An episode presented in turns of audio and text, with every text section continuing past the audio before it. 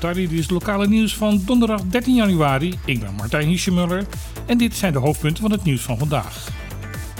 De corona-explosie op Bonaire is voorlopig nog niet voorbij. Die conclusie kunnen we trekken naar de cijfers van gisteren. Na twee dagen met iets minder nieuwe besmettingen en een lichte daling van het totaal aantal actieve gevallen, sloeg het virus weer keihard toe. Voor de tweede keer in een week is er ook iemand overleden aan de gevolgen van coronabesmetting. Hiermee komt het aantal coronadoden op 25 te staan. Van de 392 uitgevoerde tests bleken er 158 positief te zijn. Dit is een verbijsterend testratio van 40%. Met 158 nieuwe gevallen en 129 personen die hersteld waren, is het aantal actieve besmettingen nu gestegen van 787 naar 815. Van de nieuwe gevallen zijn er 8 bezoekers van het eiland. Er liggen momenteel 4 mensen met corona in het ziekenhuis.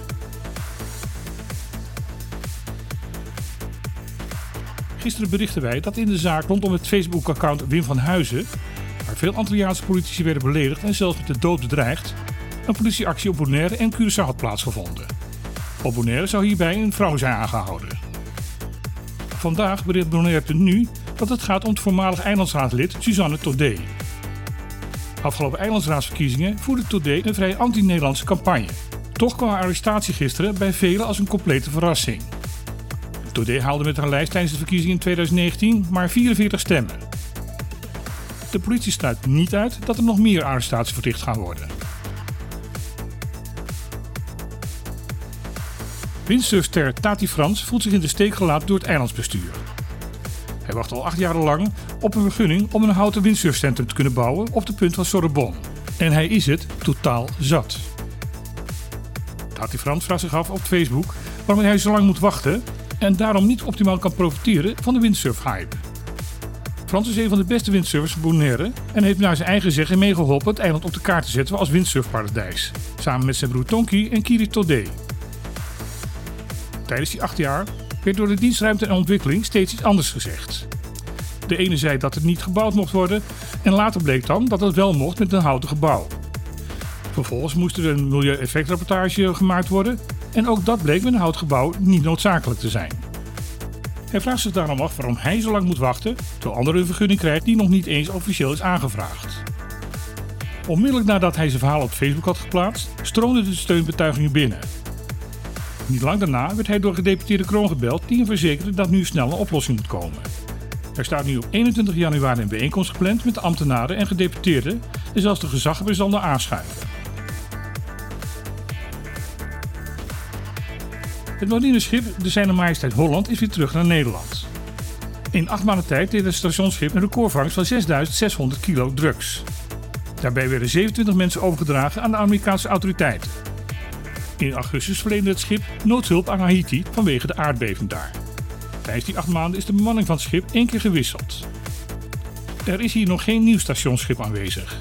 Een deel van de bemanning van de aflossende Zee Majesteit Friesland was besmet met het coronavirus. Verder het patrouilleschip met een technisch mankement. De Friesland heeft gisteren koers gezet naar Curaçao. De reis naar Curaçao duurt normaal gesproken 11 dagen. Het personeel van het Curaçao-huis zit in de kou. Toen het Curaçao-huis in 2015 door de toenmalige gevolmachtigde minister Wiels voor ruim 2 miljoen werd aangekocht, was de staat van onderhoud van het gebouw al bedroevend. Niet zo verwonderlijk dat de verwarmingsinstallatie er nu mee is opgehouden. Reparatie op dit moment is niet mogelijk omdat er geen directeur meer is.